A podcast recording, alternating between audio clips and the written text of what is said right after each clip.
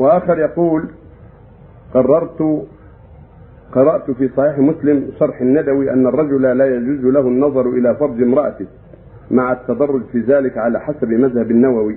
وقرأت في آداب الزفاف أنه يجوز النظر لكل من الزوجين. أفتوني أثابكم الله. النظر إلى زوجته جائز مطلقا فرجها ويفرجها وهو كذلك يجوز له النظر إليها. قد الله له جماعها والجماع أشد من النظر فالذي يقول لا يجوز النظر هذا غلط سواء النووي ولا غير النووي والذي يقول إنه جائز هو المصيب. المقصود أن النظر نظر الرجل لزوجته ونظرها إليه إلى بدنه كله عورته وغير عورته كل هذا جائز الحمد لله. الله أباح لكل منهم النظر إلى الآخر. النبي يغتسل مع زوجاته عليه الصلاة والسلام.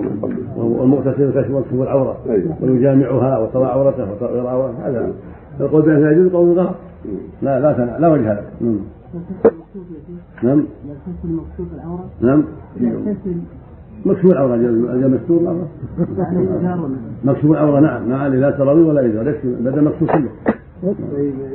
والمغتسل يكشف عورته لكن ما عنده حد. في حمام خاص ما يكشف عورته الحمد لله. في الحديث النبي عريان وتسال موسى عريان وتسال أيوب عريان.